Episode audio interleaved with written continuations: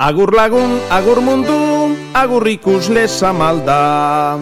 Asmo zoro batek nakar, ez zaiteztela salda.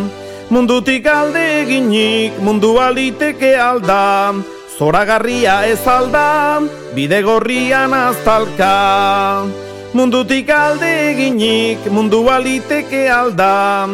Zoragarria ez alda, bide gorrian aztalka.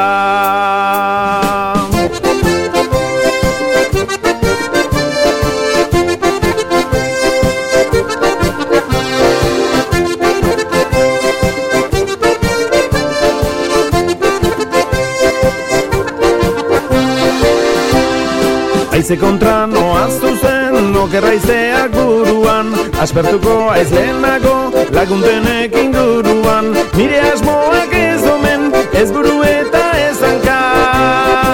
Zoragarria ez alda, bide gorrian aztalka Okerra ez dut egina, aspaldi gaitzeko meta Meta hartara noani, izan arren turmaleta.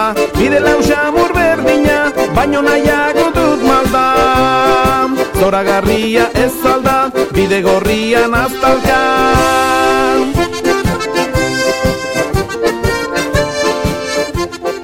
Eta bide gorritik goazela, gaurkoan ere antzerkilari batzuk topatu ditugu bidean, eta nola doazen, eta arriaga antzokirantza omen doaz, eta arriaga antzokitik beste areto eta antzerki gune ezberdinetara, eta esan diegu, ba, plazatik gurera etortzeko. baina ez dut zertan etxi, zure gineinen dut alka, bide gorrian aztalka. Hauek ere txekoak omen direla eta. Trazatutako bidean, gogait egiten dut guztiz, nora ezean naiz joaten, arauak aldera utziz, orduan zer ikusten da. Etxekoak, gara... Ni, da, ni Javier Barandiara naiz, etxekoa. Maika etxeko pag, etxeko pag. Anderliku, Anderlipus. Eta zezen etxalz. Bide gorrian, aize barruan aztalka, euri azpian aztalka, elur gainean aztalka, eguzkiraino aztalka, buru bat eta bian. Beraz, lau etxeko ditugu une honetan eh, gure etxe barruan, bide gorritik aterpera egin dugu eta antzerkiaz arituko gara, maitasunaz arituko gara eta beste gauza askota, zelan ez? Katerik gabe aztalka, buru bat eta bianka, zoragarria ez alda, bide gorrian, bide gorrian, bide gorrian, gorri bidean. Etxekoak eta etxe horretako zuzendari eta aktoretako bat, Inigo Ibarra, Ander Lipuz. Eguerdion, Inigo? Bai, eguerdion. Kontaitu gozu, zer da etxekoak? Bueno, etxekoak da proiektu edo bide barri bat, e, duela hiru urte gutxi gora bera hasi genduna, eta hasiera hortan, ba, bueno, alako bizipen pertsonal bat eh, kontatu nahi nuen, baina kontatu nahi nuen talde batekin, antzerkia talderik ez badago, ez dagolako antzerkirik, eta talde hortan e, bidaide e, lehen e, nahi nuena gainera eta aspalditik berarekin lan egiteko gogoz nengoena John Gerediaga izan zen eta berari ba, kontatu nion zer kontatu nahi nuen nik ezta? Eta e, zein izango litzaken aldartea edo eta orduan pixka bat e, nire bizipen pertsonal batetik abiatu nintzan, ni maite mindu nintzen e, kubatar e, neska polit batekin eta e, berarekin e, bera e, Euskal Herrira ekartzea, bai, izugarrizko trabak, ostopoak, oso gauza zaila izan zen, oso komplikatua izan zen, ezta? Eta orduan, san nion Jon Gerediagari kontatu nahi nuela hori, ezta? Baina ez bakarrik hori, baizik eta baita ere zerk egiten duen zerbait etxekoa izatea eta zerbait kanpokoa izatea. Hortik abiatuta, e, bueno, eta batez ere, kontatu baita ere ze zenbat erres zein erres dan e, estatu batu bazara edo Finlandia bazara zein erresa den e, Euskal Herriera etortzea, Europara etortzea, baina ja ba ez dakit Kubatarra bazara edo edo Kolombiarra edo Senegaldarra ba horrek ja kartzen ditun e, zailtasunak, ezta? Eta oztopo hoietaz nahi nuen hitz egin. Hortarako ezinbestean da nik e, izugarrizko garrantzia ematen diote aktorea, e, aktore taldeari, ba, kontaktatu nuen e, Maika Etxekoparrekin, kontaktatu neban e, Javier Barandiaranekin, eta kontaktatu neban e, amamaren personaia egiteko, Christian Etxaluzekin, eta horra ziginan e, bidaia partikularrau. Eta oker espanago, eta irakurri dudanari jarraituz, e, etxeko bat, maiten mintzen da, kasu honetan, e, arrotz edo kanpoko batekin. Zein da Bez batekin, okerrago. e, bai, ma, madi pertsonaia badoa Afrikara, bidaia luze batetik itzultzen da, eta hori da obraren abia puntua. Eta e, itzultzean, erraiten dio et, die txekoei e, maite mindu dela hanko mamadu batekin. Beraz horrek pizten ditu bai etxe barreneko gatazka batzu, eta bakoitzaren baitan ditugun gatazkak ere, osaba batek, madiren osaba batek nahi luke gure egiak sutik irautea hala ere, eta beraz, ora, barnean pizten dituen olako gauz kezkak eta beldurrak, eta gero, be, etxekoek de, erabakitzen dute, aurrera borrokatuko direla mamaduren, et, mamaduren ekartzeko, eta hori kontatzen du obrak. Zu, Javi, osaba zara, ze paper da okizu, historia guzti honetan. Eh, bueno, eh, mm, ni familia eh, partikular horren parte naiz, da familia, ez dago goiko familia bat, eh, dago mama bat, bi osaba eta eta hilo bat, eta bi bat.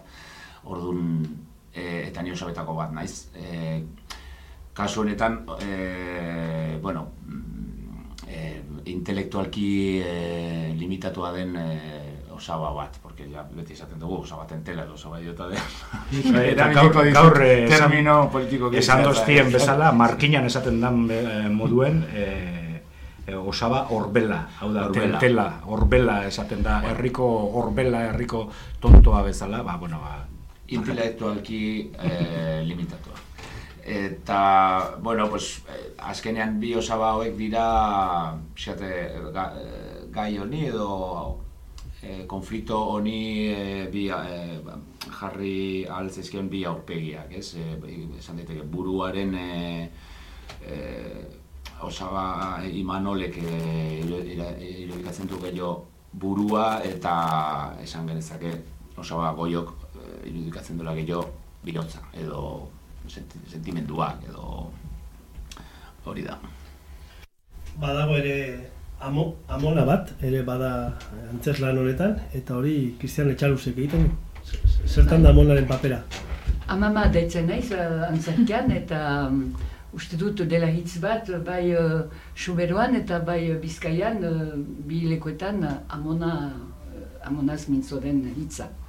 Bon, ordean nire paperra da gutxi gora behera uh, fijo edo fixo gelditzen den uh, pertsona, fixo ez baitu, ba, ez da biziki pozik belza izan dadin uh, bere uh, uh, birlioba politaren uh, gizona, baina bera uh, tranquila da, zen eta baditu beste kezka batzuk burua galtzen ari da. Gainezka egin dio burua.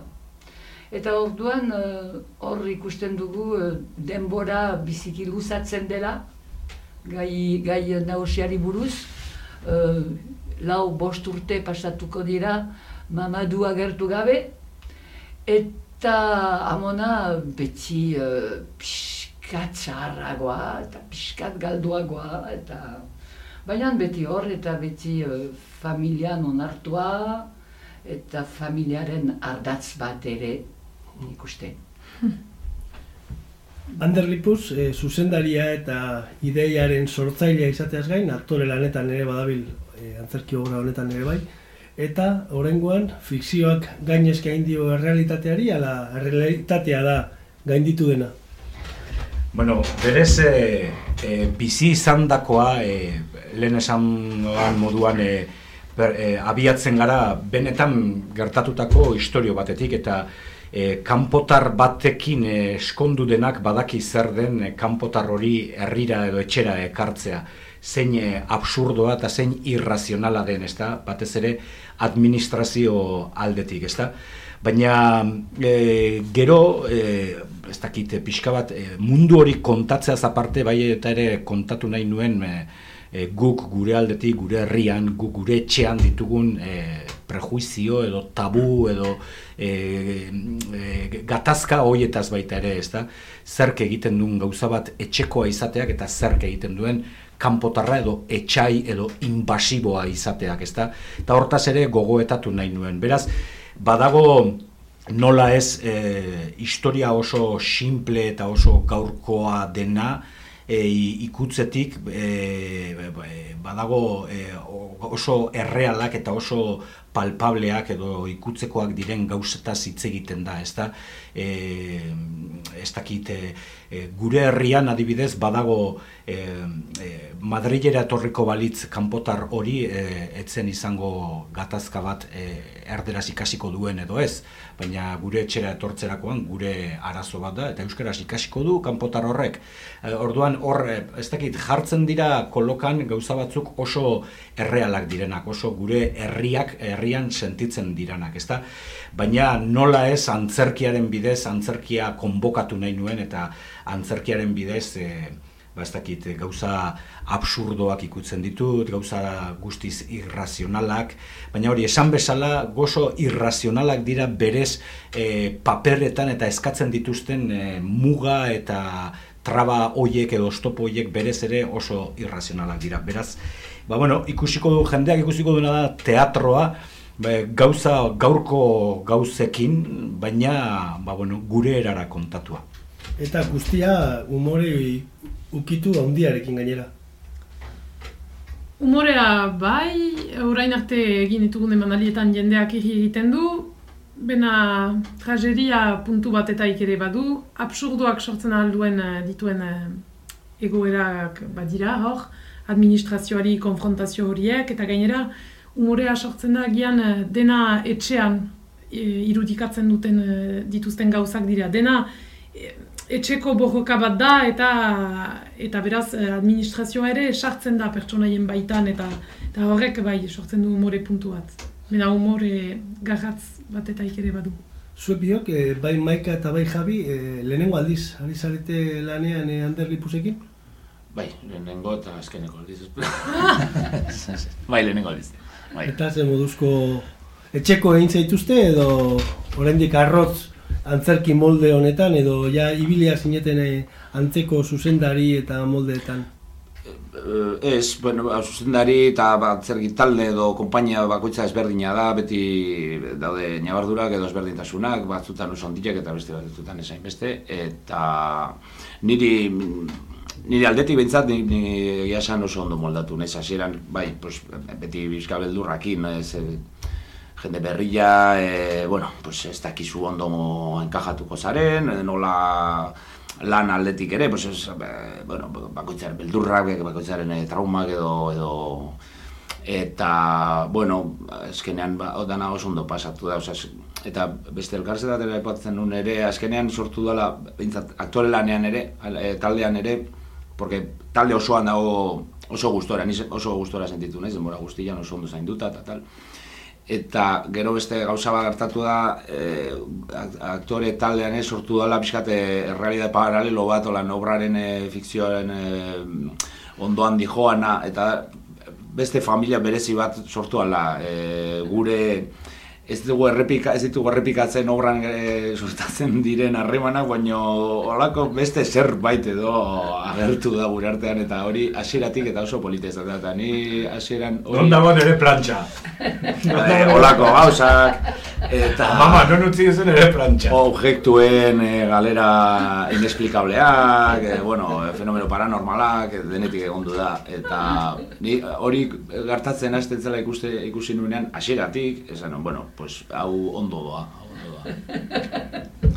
Eta zu maika, eh, aritu azinen, lehenago eh, Ander Lipusekin edo? Bai, bena a, a, biak aktore ginen uh, Hamlet uh, ikusgarrian, eta beste baten zuzendaritzapean, Simon Fuchsen uh, zuzendaritzapean.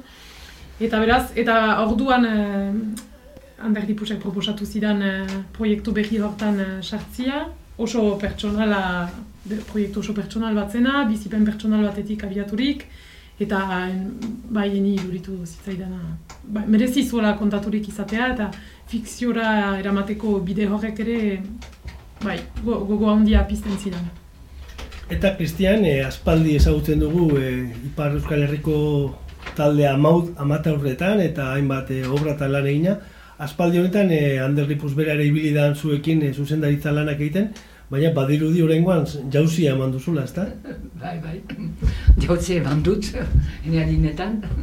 Bai, um, e, egan behar da, um, ibaineta mutatzeko gogoa, berriz mutatzeko gogoa izan nuelaik, uh, Ander Lipus uh, uh, bere zuzendari izan behar zela, hori zen nire behar bat, eta izan nintzen um, haren ezagutzerat, edar, nola du izena, edariak? Ardoaz. Ardoaz, bere gauza batean, eta horra gertu, eta ni ni naiz hura, eta zuzira hura, bano, eta bere ala, uh, pents, nik pentsatu nuen, erreiten nuen, ba, Ander Lipusekin eginen dugu ibain eta bere baia ukan baino lehenago. mm. Eta, eta mm, uh, gauza argunt be, berezia izan zen hori baina eta hori, eh? uh, baserritar publiko bat, gure publikoa baserritarra da, uh, izanik ere uh, hirietan ibiltzen dena, baina uh, baina uh, pieza oso uh, rimek bat, oso abstraktua, eta um, nork nahi ulertzen zuen zertaz ari zen, zertarazua zen, eta izan zen gauza bat eh, berezia benetan. Oaikoan ere eh, berriz hasi naiz inigorekin, pentsatuz gauza berezi bat izanen zela, baina eh, jauzi hori uh, ez dut gehiago jauzi iteko uh, abilezia, trebetasuna eta usu uh, uh, uretan uretan buzitzen naiz, baina badoa, badoa. Eta inigo, e, zer moduzko taldea osatu zu, ba, taldea berez, e, elkarrekin inoiz aritu gabekoak dira e, talde batean, ez da talde e, garai bateko konpainiak eta egiten zutena, beti e, aktore berdinak eta ritmoak eta Horrengoan, e, e, esan duzuzuk, hiru bat urteko historio bat dela, e, nik aspaldi baten ikusi zintuztedan e, Zumaian, eta obra honekin ari zineten, baina ensaiatzen. Zer, nolako prozesua bidea izan da? Bai, eh, hombre, eh, talde, taldean eh, azpimarratu nahiko nuke baita ere eh, berria izan dela beste eh, aktore aparte baita ere bai, izugarrizko laguntza eduki dudala zuzendaritza laguntzaile bezala eduki dudanean eh, Marilla Neba, ezta? E, hori alde batetik, eta talde berria zen beste e, puntu batzuetan, beste gauza batzuetan baita ere, Josep Duok egin du argiztapena, e, batik e, alsuetek egin du atretzo apainketa eta panpin e, egiteak. Orduan, e, talde barria zen, ezta? Eta zer esanik ez, e, bai Javi, bai Kristian eta bai Maikakin lan egiteak. Horrek ematen du, e, bueno, e, zailtasun bat, ze, ez dakizu ondo ulertuko duten nahi duzuna kontatu eta nola nahi duzun kontatu, ez da?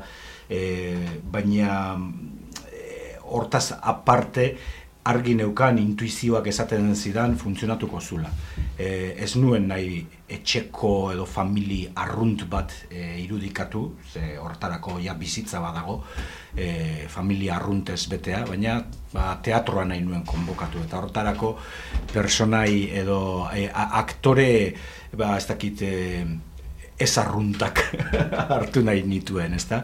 E, e, famili ez arrunt bat, osea, ja ikusi e, euskalkien aldetik, ja euskararen aldetik ere, e, ba, e, bate siberutarra, bestea e, donostiarra, Tentela. e, tentela donostiarra, e, Cristian Etxaluz, ja, e, badago zerbait ja berezi egiten duena, ezta? Eta e, bakoitzaren ibilbidea ikusita baita ere, e, adibidez e, Javi Barandie ikusi nuen e, aktuatzen, eta badu zerbait oso pertsonala egiten duena bere jokoak, ez da? Bere aktuatzeko manerak, eta hor bilatzen nuen zerbait, ja berak daukana, eta agian ba, beste aktore batek, ba, beste modu batean eman alduena, baina bueno, Javik ematen duena bere personalitatetik, bere nortasunetik, eta hori oso interesgarria iruditzen zitzaidan, berdin gertatzen zitzaidan e, maikarekin eta berdin e, kristianekin. Kristian amate urgintzan ibilia zegoen, baina ez ditu agian e, aktoresa profesional batek eukialdituen tik batzuk edo. Eta orduan e, erresago e, egingo zitzaidala uste nuen bera, bera e, susentzea, ezta? Eta bai, egia da e, horrek e, lehen esan duen bezala sailtasuna dakar batez ere ni ere barruan egon da, ezta? E, ni ere aktore bezalari naiz ta orduan e, ez daukazunean e, konplizidade hori irabazia, ba, ematen du behar dela denbora bat hori dena e, ongi etorria izan dadin eta ulertua izan dadin obran. Baina bueno, konbentzituta nago nahiko e, etxe, e, etxeko bizitza hori oso ondo irudikatzen dugula e, personaien bitartez eta uste dut eta nire vamos, euneko eunean nire lana zen euren lana izugarri ederra izatea, ona izatea, bai Kristian Etxaluzena, bai Jabirena eta bai Magirena, eta uste dut hori lortze, lortu dugula e, e, Maria Nebaren laguntzaz, euren e, jokoa ederra izatea eta eta jendeak ikustea e, personaia, lau personai irudikatuak e, eta horren atzean nola ez aktore lan e, e, potente bat, e, indartsu bat, eta uste dut hori jendeak ikusten duela eta eskertzen duela. Orain arte, hainbat emanaldi izan dituzue, luzun e, aurkeztu zenutenetik, ze moduzko jarrera izan du publikoak ikuslegoak? Lehen irriak eta ipatu dituzu, baina nolakoa izan da harrera?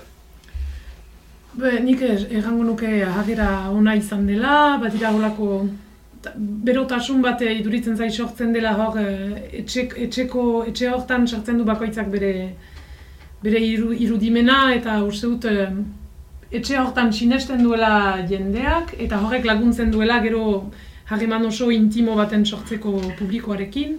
Eta e, nik uste publikoak asko laguntzen gaitu lehen emanaldiak gintuen, horrerik ginen pixkat eh, Eh, nula maingu bezala, ea nola aterako den, eta aski hausko gazen orain agian ikusgarria, eta abiatu gira biran, eta usut publikoak emaiten digula indar asko eta asko laguntzen gaituela.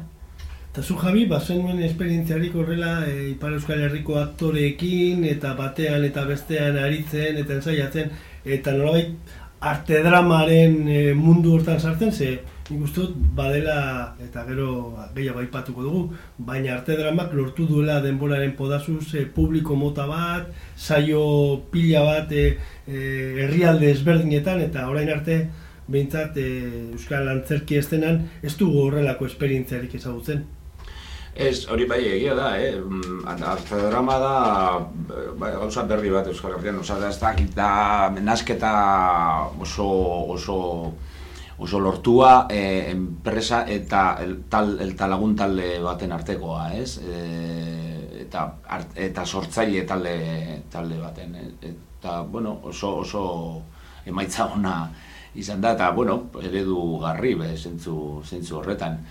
E, bai, egia da, e, ez da hola, holako horik, e, porque, bueno, bai, nik beste konpainia askokin egin dut lan, e, bai egoaldean eta bai iparraldean ere, eta, bueno, pues, e, bakoitzak hori, lehen esaten bezala, bakoitzak bere, bere historioa ditu, bere, bere e, ezaguarri propioak, eta, bien, bueno, gutxi gora bera, gehienak, bueno, az, finean enpresak dira, eta, bueno, pues, Eta, bueno, zupetiz langile bat zara, holakoetan, arte draman ere, gu langilea gara, baina beste zerbait dago, ez da, eta gero baita ere, bori, pues, aitortuen behar zaie, mm, lortu duten e, ikusle, ez dakit, ez, ez nuke esango ezkuntza, baina, bai, e, holako zerbait, ez, e, publiko bat sortu, sortu egin duten, e, nola baita. Eta, bueno, pues, hori meritu gandia izan da. Zue biak, bai Maika, bai Kristian, e, e, ondo ezagutzen duzue e, bueno, ba, iparraldean e, antzerki gintzak bizi duen egoera, bizi, bueno, e, aipatu zu, laborari munduan eta beti egon dela antzerkia ikusteko e, gogoa eta saletasuna eta baita sortzeko ere bai, baina aldiz e, Euskarazko antzerkiak izan ditu e, garaionak, e, baina baita makalaldiak ere, nola ikusten duzu zuek, e, ze antzerki gogoratzen duzu edo ezagutu duzu eta nola ikusten ari zarete egun e, bizi, bizi izanik e, atukitik bertatik? Nik uh, haur denboan uh, ikusi dut uh, herrietako, uh, herri guzietan kasik bazen uh, antzerki talde bat, uh, behin urtean egiten zuena uh, gauza bat herritarren dako. Etzen egiazko sorkuntza, baina uh, aktore izi harri honak baziren. Eta ni horrek nau uh, uh, antzerkilako uh, gustua eman. Eta um, gero hasi da uh, politikoki ere gauzak aldatu direlarik, erran nahi du uh, baserri munduan modernizazioa sartu zelaik. Eta berdenboran politikan abertzaletasuna sortu zelarik, uste, gin, uste izan ginuen normalki lehen gauza bat egin behar zela uh, uh, iparralde guzirako zela antzerki talde bat, eta hola montatu ginuen hirugoita zazpian matalas, eta hirugoita sortzian uh, ibaineta, edo sortzi eta, eta bederazian, nez, segur horretan, bai, sortzi eta bederazian. Eta horren ondotik, um, uh, izan ziren uh, lekuko uh, talde anitz, edo berba ez lehenago bezain beste, baina uh, uh, uh, uh, garazi, uh, baigorri eta bai eta ere ustaritze eta olako leku horietan, gauza biziki emankorra, bizikorra, eta lotua egunetako biziari. Eta batez ere borrokari, konfliktuari. Eta orain uh, uste dut uh, uh, profesionalismoa ari dela uh, sartzen. Ez balin bada ere uh, arte dramako bezalako profesionalismo orokorra uh, inbertzio handiagoak badira, uh, ez dakit, pentsatzen dut uh, ustaritzeko eta, bueno, uh, itxasuko eta olako talderi. Ordean, uste dut badela biurgune bat hor. Baina, baina, bada beste, beste fenomena bat, fenomeno bat, eta da arte dramarena. Iparraldean arte drama dago ere uh, uh, uh, itxasuan den uh, arrainaren uh, errestasunarekin. Badakigu, iparraldekoek badakigu arte drama bestaldekoa dela, baina badakigu ere, Iparraldean egiten alduela lana edo zein iparraldeko talde bat bezala eta froga da inigok eh, lagundu dituela ja bizpairu talde desberdin eta xaz uh, eman dute monzonen pieza bat azparneko handerea izugarriko arrakastarekin. Bai. Zumaikan nola bizi duzu guzti hori e, eta egoaldean bereziki?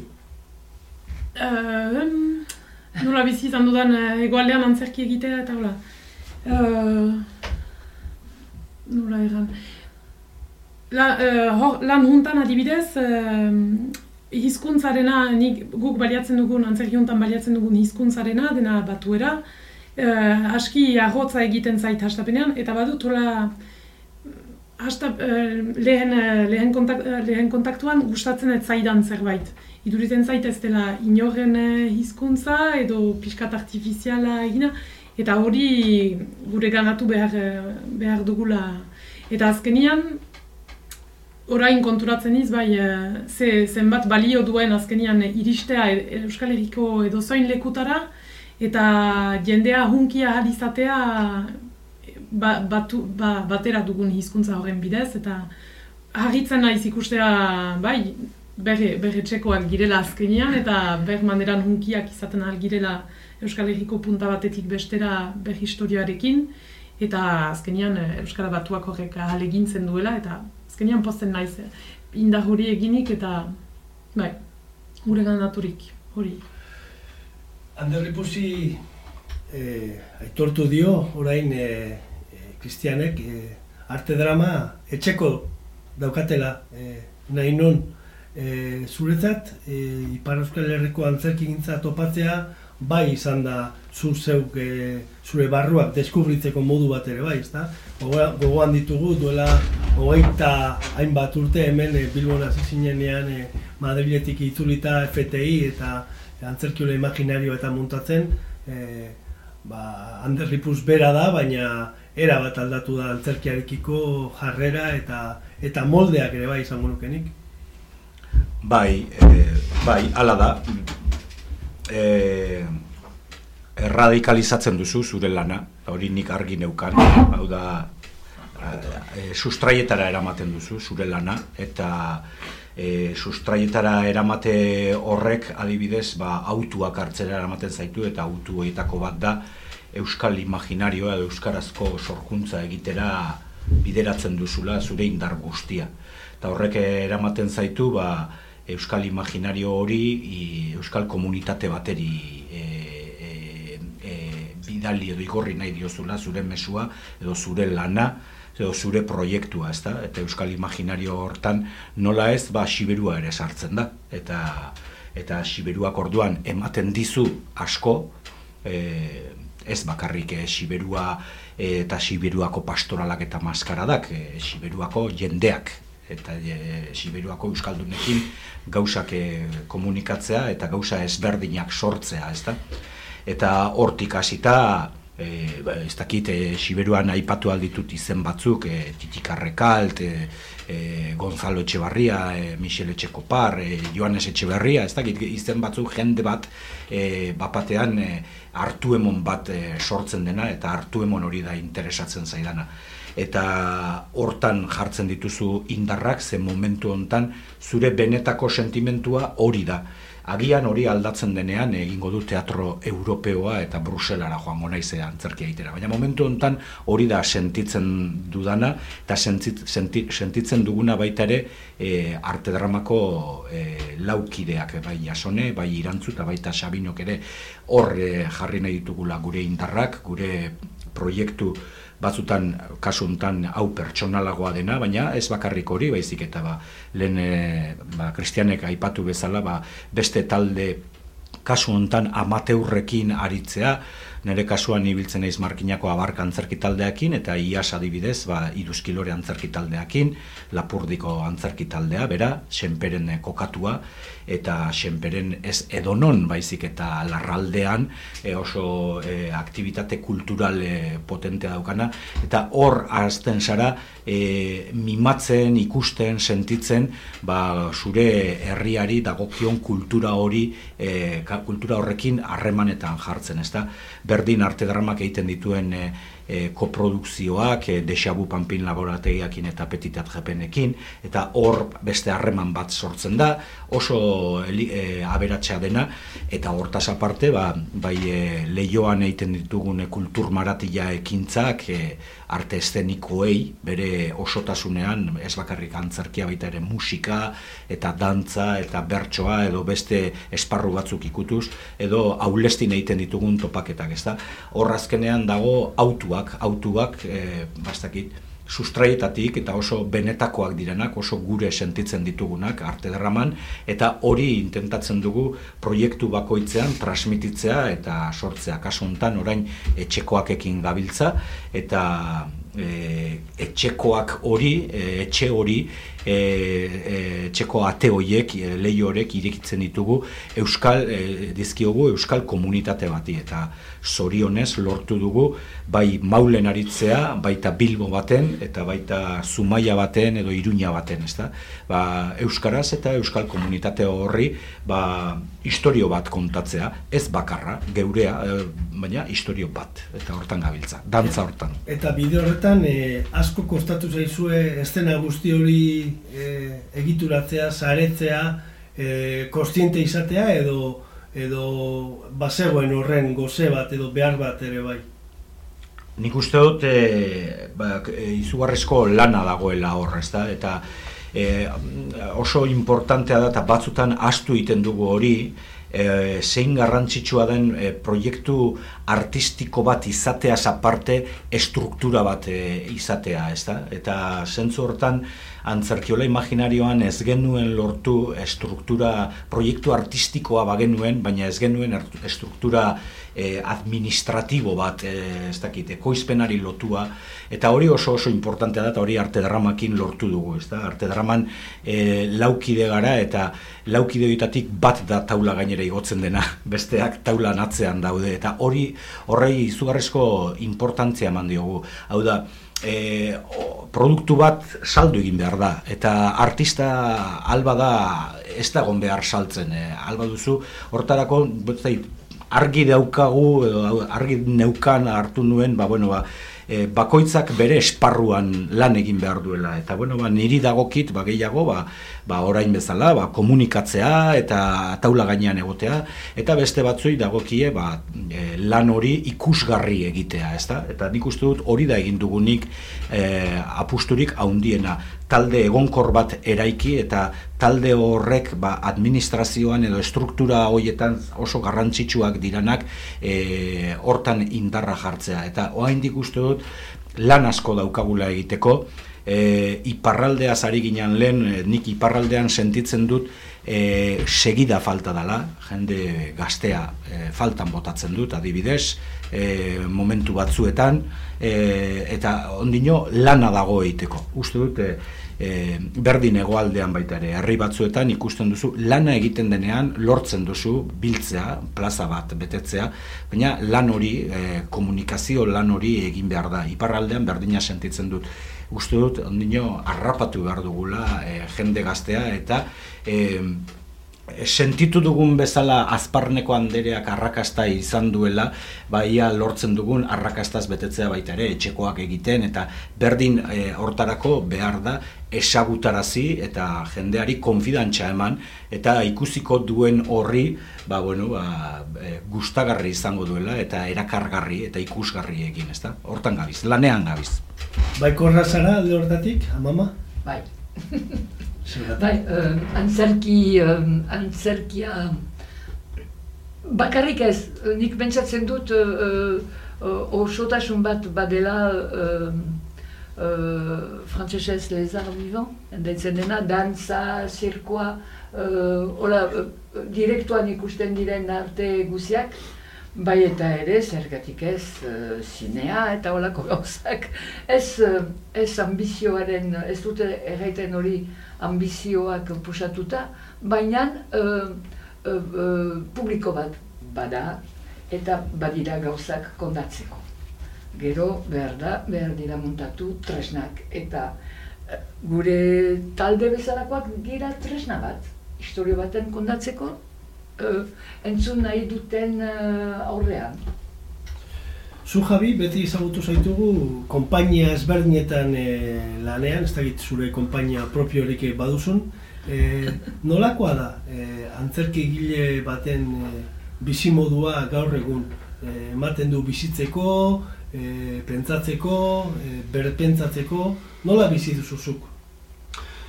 Ufa, e, debora dakazu. Bueno, a ver, eh, zer esan ditut. Nik, em, ni, hola, uh, ui, ofiziontan ni erori nintzen, osea, niz, eh, uste, uste dut ez, ez nula sekula autu bat hartu eta esan, ba, antzerkira dedikatuko naiz. Uste dut holan, e, bapatean, topatu nun e, burua, ja, lanean, antzerkian, eta, bueno, eta alde hortatik beti izan, izan dut suerte pila bat, zen, bueno, pues, beti lana izan dut, orduan, ja badira urte, bueno, desente hortaz bizi naizela. Gero bai, nik badakan nire, baduzkan nire proiektuak, nire nire kabuz, e, oso oso txikiak eta nire plazerrako egiten ditudanak. Eta baita, bueno, eso, ur, e, ikustera urbiltzen diren e, bos, bos pasei diren e, plazerrerako ere.